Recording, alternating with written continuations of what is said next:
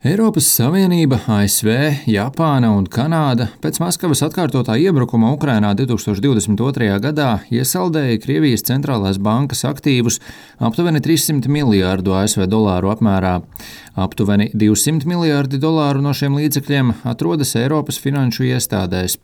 Galvenokārt tie atrodas Beļģijas klīringa iestādē Euroclear. Eiropas Savienības prezidējošā valsts Beļģija paziņojusi, ka principā panākta vienošanās par priekšlikumu izmantot iesaldēto Krievijas aktīvu ģenerēto peļņu, lai atbalstītu Ukrainas atjaunošanu.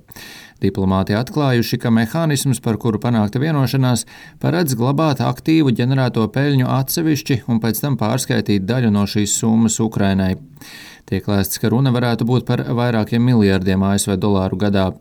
Euroclear nesen paziņoja, ka saistībā ar Krievijai piemērotajām sankcijām pērnā gada pirmajos deviņos mēnešos iestāde ir nopelnījusi procentos 3 miljārdus dolāru. Sagaidāms, ka Eiropas komisija, līdz nauda no bankām nonāks pie tās, pārskaitīs naudu bloka budžetā un pēc tam uz Ukrainu. Pagaidām vēl gan nav skaidrs, kad pirmā nauda ieripos Eiropas komisijā. Pirms Eiropas Savienības vēstnieki varēs vienošanās tekstu pieņemt, paies vēl dažas nedēļas, taču darbs tiekot darīts tā, lai viss tiktu pabeigts cik drīz vien iespējams. Oficiāls lēmums gaidāms līdz 19. februāra ārlietu ministru padomēji. Vienošanos komentēja arī Eiropas komisijas pārstāvis Kristians. Welcome, uh, nous réjouissons. Uh, Mēs apsveicam faktu, ka dalību valstis spēja panākt principiālu vienošanos par šo projektu. Šis ir būtisks solis uz priekšu. Nākamie soļi ietvers formālu vienošanās pieņemšanu. Kas attiecas uz soļiem pēc tam, šajā posmā mērķis ir panākt Krievijas centrālās bankas aktīvu aizsargāšanu, bet virsmērķis ir izmantot aktīvu peļņu Ukrainai. Komisija, augstais pārstāvis un viceprezidents ir apņēmīgi spērt nākamos soļus, cik ātri vien iespējams. Lai līdzekļi nonāktu līdz Ukrainai, darāmā vēl daudz, taču pirmais solis ir spērts.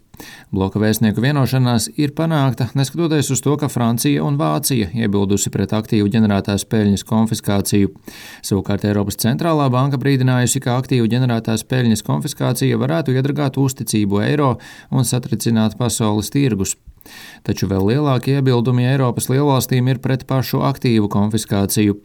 Atsevišķs ASV vadītais un Lielbritānijas, Japānas un Kanādas atbalstītais mēģinājums konfiscēt visus Krievijas aktīvus, nevis tikai peļņu, saskaras ar vairāku Eiropas lielvalstu, īpaši Vācijas, Itālijas un Francijas pretestību. Krievijas aktīvu konfiskācija būtu būtisks signāls Krievijai un reizē palīdzētu Ukrainai. Tas uzsvērts vairāk kārt, tostarp no Ukrainas amatpersonu puses. Lūko sacījis Ukrainas ārlietu ministrs Mitro Kulēba. Assets, Ziniet, mums ir vajadzīgi iesaldēti aktīvi, nevis iesaldēts konflikts. Šis ir ceļš uz priekšu. Tas ir ceļš uz priekšu, lai ikvienam pasaulē nosūtītu skaidru vēstījumu. Ja uzdrošināsieties pārkāpt noteikumus, jums par to būs jāmaksā. Tomēr Eiropa joprojām ir bažīga gan par aktīvu konfiskācijas likumību, gan to, kā Krievija varētu šādu soli reaģēt. Kremlis jau ir solījis atriepties, konfiscējot Krievijā esošos rietumvalstu aktīvus, kuru vērtība tiek lēsta 288 miljārdu dolāru apmērā. Bāžas no Krievijas atbildes gan nav vienīgās, kas Eiropu attur. Proti, Eiropas amatpersonas arī bažījies par aktīvu konfiskācijas iespējamām sekām attiecībā uz eiro valūtu. Satraukums ir par to, ka investori varētu atteikties no eiro aktīviem, baidoties, ka arī viņu nauda kādu dienu varētu tikt konfiscēta.